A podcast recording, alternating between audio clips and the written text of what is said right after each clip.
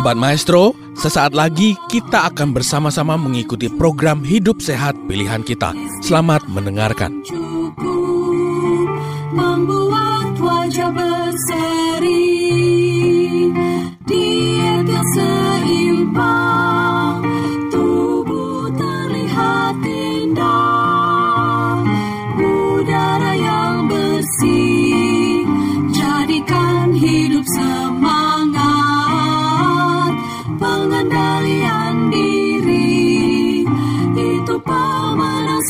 Sejati hidup sehat anugerah Tuhan hidup sehat sangat berharga sepuluh hukum kesehatan Salam sejahtera bagi kita semua.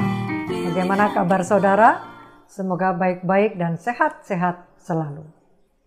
Saat ini berita-berita di media massa memberitakan lonjakan krisis COVID-19 di India yang mengalami kekurangan oksigen yang kritis. Rumah sakit penuh sesak dan menolak pasien baru. Akibatnya mereka mencari pasokan oksigen dan ventilator melalui media sosial. Beberapa jalan menjadi penuh sesak dengan orang yang sakit parah. Rumah sakit kewalahan, tenaga medis kelelahan, dan krematorium bekerja sepanjang waktu. Sampai-sampai lapangan parkir diubah menjadi tempat kremasi massal. Persediaan oksigen di rumah sakit pun sangat terbatas dan minim, sehingga banyak pasien yang meninggal dunia. Hal ini juga terjadi di beberapa tempat lainnya seperti Kolombia, Uruguay, Brazil, dan Meksiko. Oksigen bagaikan emas. Itulah sebabnya saudara, mari kita bernapas dalam-dalam sebelum kita susah bernapas. Tuhan mendesain tubuh kita di mana bernapas itu adalah suatu keharusan dan itu terjadi secara otomatis. Kita tidak perlu berpikir untuk melakukannya. Bahkan ketika kita tidur pun kita tetap bernapas. Luar biasa karya cipta Tuhan melalui sistem pernapasan di dalam tubuh kita.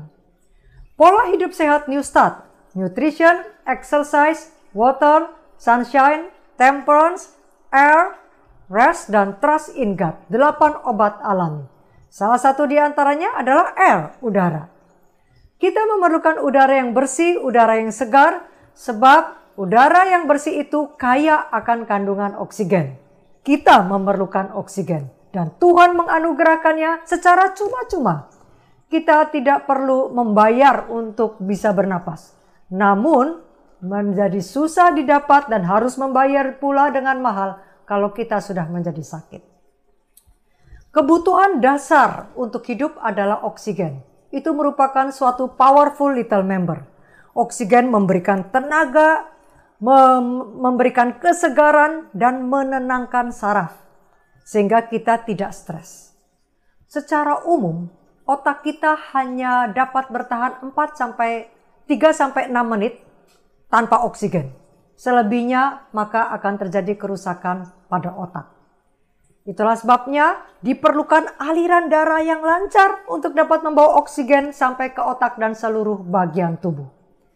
Pernahkah saudara berjalan kaki setelah hujan lebat atau berjalan di tepi pantai misalnya? Rasanya segar bukan? Itu karena udara yang di situ mengandung puluhan ribu ion negatif yang mampu menghilangkan stres, depresi, dan menambah tenaga. Yaitu di tempat-tempat yang terpapar sinar matahari, sehabis hujan lebat, di hutan, gunung-gunung, di embun, air terjun, gelombang air laut, dan lain-lain. Di sisi lain, jika tubuh kekurangan oksigen, kita akan mengalami hipoksia, rendahnya tingkat oksigen di jaringan tubuh. Dalam kondisi tersebut, darah tidak mampu membawa oksigen yang cukup ke setiap jaringan untuk memenuhi kebutuhan tubuh. Tanpa oksigen, organ-organ penting seperti hati, otak itu dapat mengalami kerusakan hanya dalam hitungan menit. Gejala-gejala hipoksia antara lain adalah kelelahan. Seperti saudara mendaki gunung, baru saja mendaki gunung padahal sebenarnya baru bangun tidur pada pagi hari. Rasanya saudara nggak punya tenaga, cepat lelah, nggak ada gairah dan motivasi dan nggak nggak nggak nyambung, lemot otaknya. Mual dan sakit kepala. Mual dan sakit kepala tidak selalu merupakan gejala hipoksia. Orang yang banyak hutang juga sakit kepala. Salah satu penyebab hipoksia selain infeksi saluran pernapasan seperti COVID-19 adalah dehidrasi. Di dalam paru-paru kita ada 300 juta alveolus. Jamaknya disebut alveoli. Itu adalah kantung-kantung udara kecil tebalnya hanya satu lapisan sel pada paru-paru di ujung saluran udara terkecil. Di mana di situ berlangsung pertukaran oksigen dan karbon dioksida. Dalam tiap-tiap alveoli ada setetes air. Jika kita dehidrasi, kurang minum, maka alveoli tidak sepenuhnya dapat kempis sehingga tidak dapat mengeluarkan karbon dioksida. Akibatnya juga tidak dapat mengambil cukup oksigen. Jadi penting untuk kita cukup minum air untuk memaksimalkan oksigen masuk ke dalam tubuh. Ingat saudara, jangan pernah bergerak badan berolahraga di pagi hari sebelum kita cukup minum air putih. Oksigen masuk ke dalam sistem pembuluh darah, diangkut ke seluruh tubuh melalui sel-sel darah merah. Jadi segala sesuatu yang meningkatkan sirkulasi darah otomatis akan meningkatkan delivery uh, oksigen ke setiap sel di dalam tubuh. Itulah pentingnya untuk memiliki sirkulasi darah yang lancar. Penyebab hipoksia, kurangnya oksigen lainnya adalah sirkulasi udara yang buruk kadar oksigennya menjadi rendah. Asap rokok, polusi udara, jamur dari karpet, tempat tidur, bantal, dan lain-lain. Jadi betapa vitalnya oksigen dalam tubuh kita. Saat ini saudara ada good news bagi kita semua. Kita dapat meningkatkan kandungan oksigen dengan cara bernapas yang baik. Kita harus bernapas dengan hidung, bukan dengan mulut. Sebab hidung dapat membersihkan, melembabkan, dan menghangatkan udara yang kita hirup. Mulut tidak dapat berfungsi demikian. Banyak orang tidak menggunakan paru-paru mereka dengan efektif, sehingga uh, sebab idealnya bernapas itu memperluas rongga paru-paru dengan menurunkan diafragma, yaitu otot yang memisahkan paru-paru dengan organ-organ perut. Selama ini manusia terbiasa bernapas dengan teknik pernapasan dada, chest breathing. Namun para pakar kesehatan lebih menganjurkan untuk berlatih teknik pernapasan perut.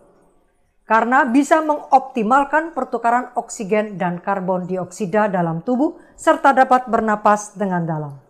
Mari kita praktekkan bersama saudara. Pada hitungan ketiga, kita ambil nafas dalam-dalam.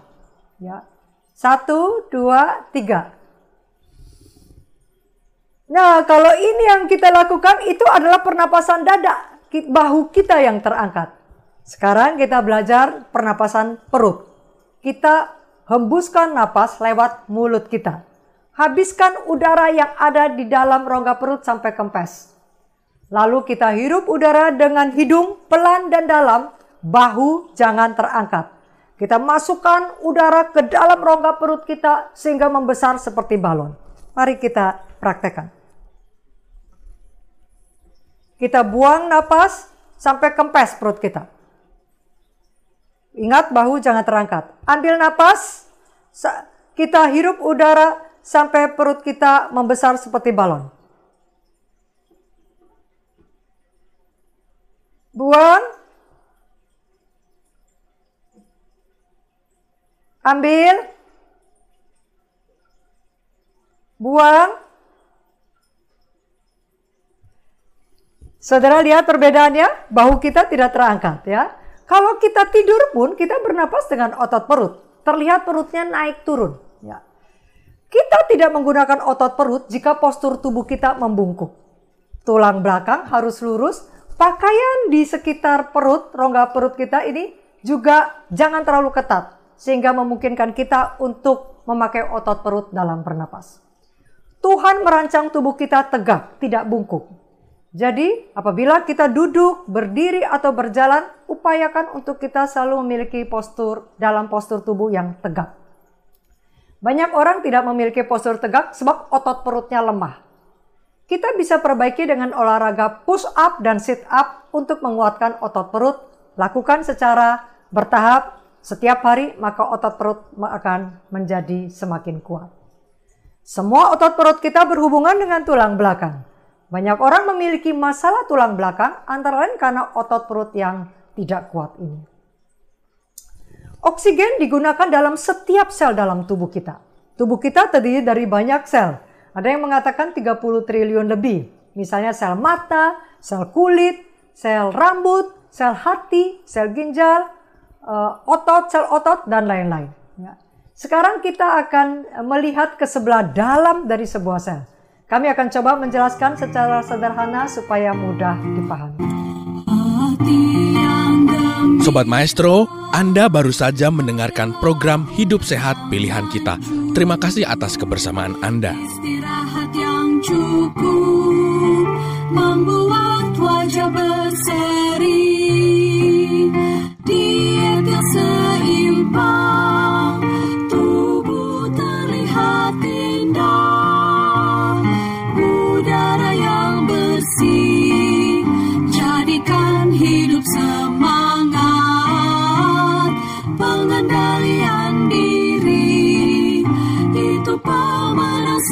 sejati. Hidup sehat, anugerah Tuhan. Hidup sehat, sangat berharga. Sepuluh